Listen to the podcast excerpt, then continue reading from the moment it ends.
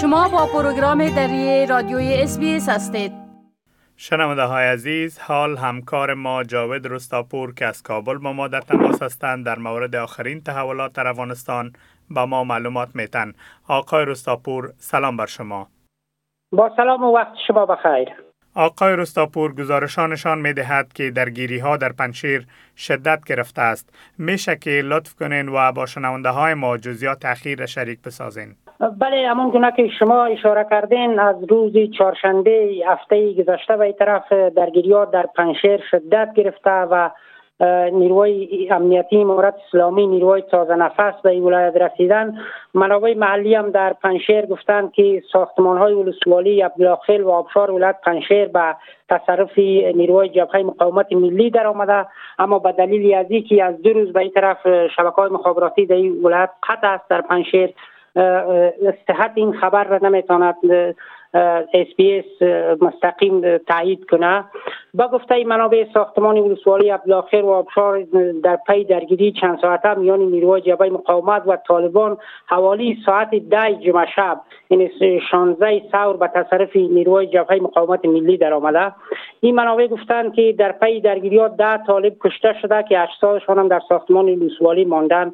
منابع همچنان افزودن که نیروهای جبهه مقاومت ملی یک پل ارتباطی که بین ولسوالی های دره و آبشار موقعیت داره ای را هدف قرار دادن به منظوری مسدود کردن این مسیر طالبان.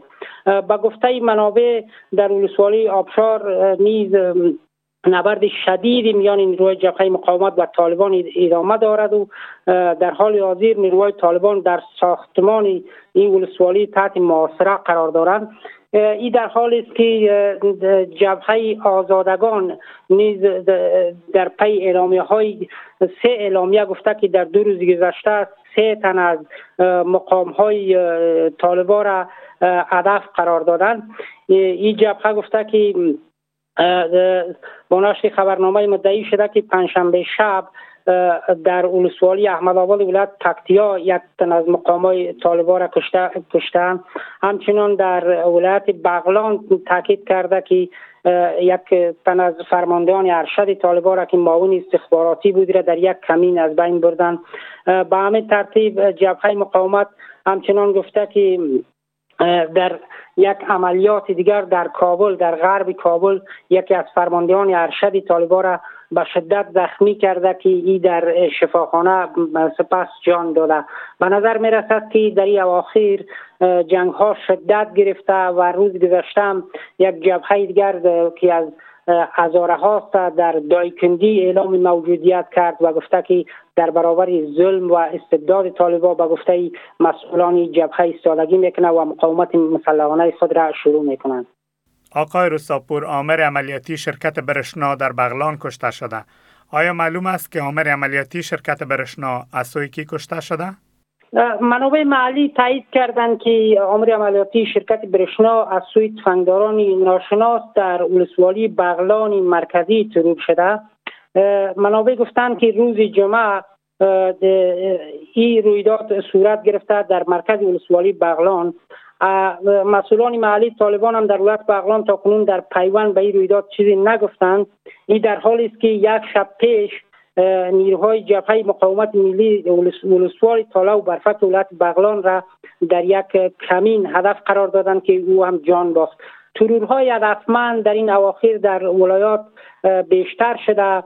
برخی ها به این باور هستند که برخی از این ترورها که افرادی را از حکومت پیشین به خصوص نظامیان می باشند از طرف نظامیان امارت اسلامی طالبان هدف قرار میتن اما امارت اسلامی همواره تاکیدش است که عفو عمومی قابل اجراست و کسی که زیر پرچم امارت زندگی می‌کنه دست به مقاومت نمی‌زنه با نیروهای مخالف مسلح حکومت ارتباط برقرار نمی‌کنه از این عفو عمومی می‌تونه به صورت کلی استفاده کنه تشکر آقای رستاپور. گزارش ها همچنان نشان میده که سرازیر شدن سیلاب ها در دوازده ولایت افغانستان باعث تلفات جانی و خسارات مالی شده. آیا تا هنوز به سیل زدگان کمک صورت گرفته؟ بله طی روزهای گذشته 20 ولایت افغانستان شاهد بارانهای پیهم بود که به دلیل این باران ها در دوازده ولایت سیلاب ها سرازیر شد و این سیلاب ها تلفات جانی و مالی برای مردم وارد کرده. وزارت دولت در امور حوادث طبیعی امارت اسلامی طالبا گفته که از اثر سیلاب ها تا کنون سی نفر کشته شده و سی نفر دیگر زخم برداشته.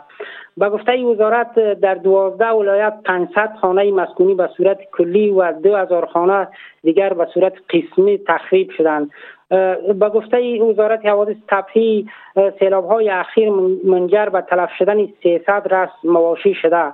از دیگر وزارت زراعت طالبان هم گفته که این سیلاب ها سبب شده سبب شده که 200 هکتار زمین زراعتی در ولایت های گوناگون افغانستان به صورت کلی از بین برود. این در حالی است که سیلاب ولایت های پروان، بغلان، کندوز، تخار، بدخشان، سمنگان، فاریاب، بادغیس و هرات برای مردم خسارات بسیار دی وارد کرده و وزارت حوادث صفحی گفته که برای کسایی که تخریب شده خانه هایشان در سیلاب و خسارات مالی برشان وارد شده کمک صورت گرفته. اما منابع گفتن که کمک ها بسیار ناچیز بوده. از سوی دیگر وزارت خارجه طالبان از جامعه جهانی خواسته که برای سیلاب زدگان اخیر کمک کنند و کمک های بشردوستانه عاجل و فوری ضروری است و باید دستی مردمی را که سیلاب ها و خساره وارد کرده بگیرند.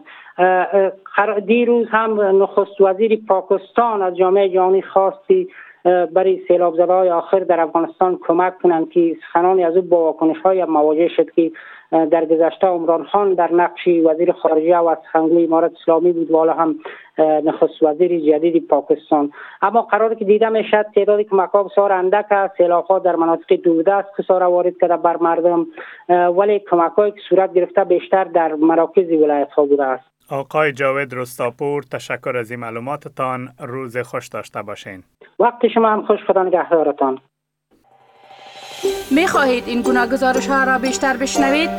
با این گزارشات از طریق Apple Podcast، Google Podcast، Spotify و یا هر جایی که پادکاستتان را می گیرید گوش دهید.